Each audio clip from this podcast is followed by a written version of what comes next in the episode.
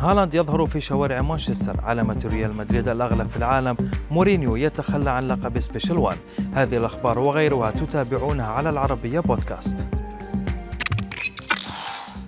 مرتديا حقيبة رياضية وبملابس سوداء اللون لا تثير الانتباه تجول هالاند لأول مرة في مدينة مانشستر بعد وصوله أمس الثلاثاء إلى المدينة الإنجليزية عبر طائرة خاصة الكاميرات. رصدت نجم دورتموند السابق وهو برفقة والده ألفي ووالدته. العائلة حاولت قدر الإمكان أن لا تلفت نظر العامة عبر ارتداء ملابس بسيطة والابتعاد عن تلك التي تثير الانتباه. ومن المقرر أن يزور هالاند مقر ناديه الجديد قبل أن يصبح العقد ساريا في الأول من يونيو المقبل. وبعد تأكد بقاء كلوب حتى عام 2026 شكر عضو مجلس إدارة نادي ليفربول توم ويرنر زوجة مدرب الفريق واصفا دورها بالحاسم في إقناع زوجها بالبقاء مع الفريق.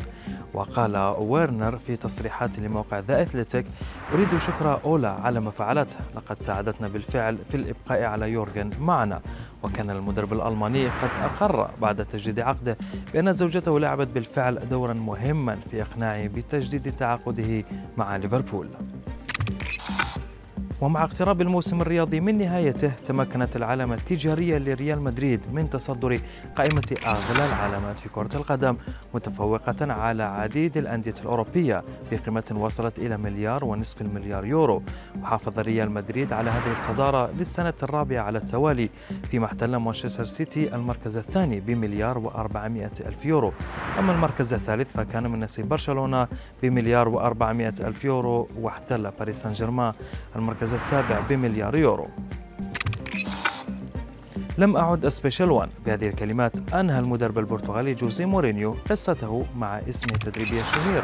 وأكد مدرب روما خلال المؤتمر الصحفي الذي يسبق نهائي دور المؤتمر أن هذا الاسم يعود لعام 2004 وهي قصة قديمة. بدأت بعد نيله لقب دوري أبطال أوروبا مع بورتو مضيفا بأنه نضج الآن ويفكر في الآخرين أكثر من تفكيره بشخصه.